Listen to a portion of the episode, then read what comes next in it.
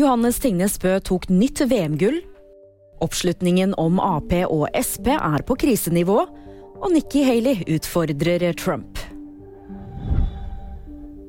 Johannes Tingnes Bø tok sitt fjerde strake VM-gull i Oberhof tirsdag ettermiddag. 29-åringen står nå med seier i ni strake individuelle renn på øverste nivå, noe ingen skiskytter har klart tidligere.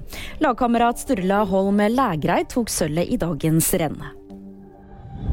Et stort flertall vil ha en ny regjering. Det viser VGs partibarometer for februar, levert av Responsanalyse.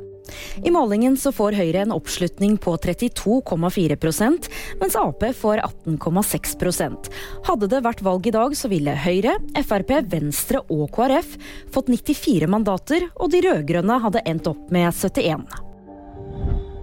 Nikki Haley stiller som presidentkandidat. Dermed så utfordrer hun Donald Trump i presidentvalget i 2024.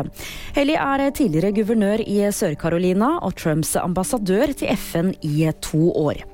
Det var VG nyheter, og de fikk du av meg, Julie Tran.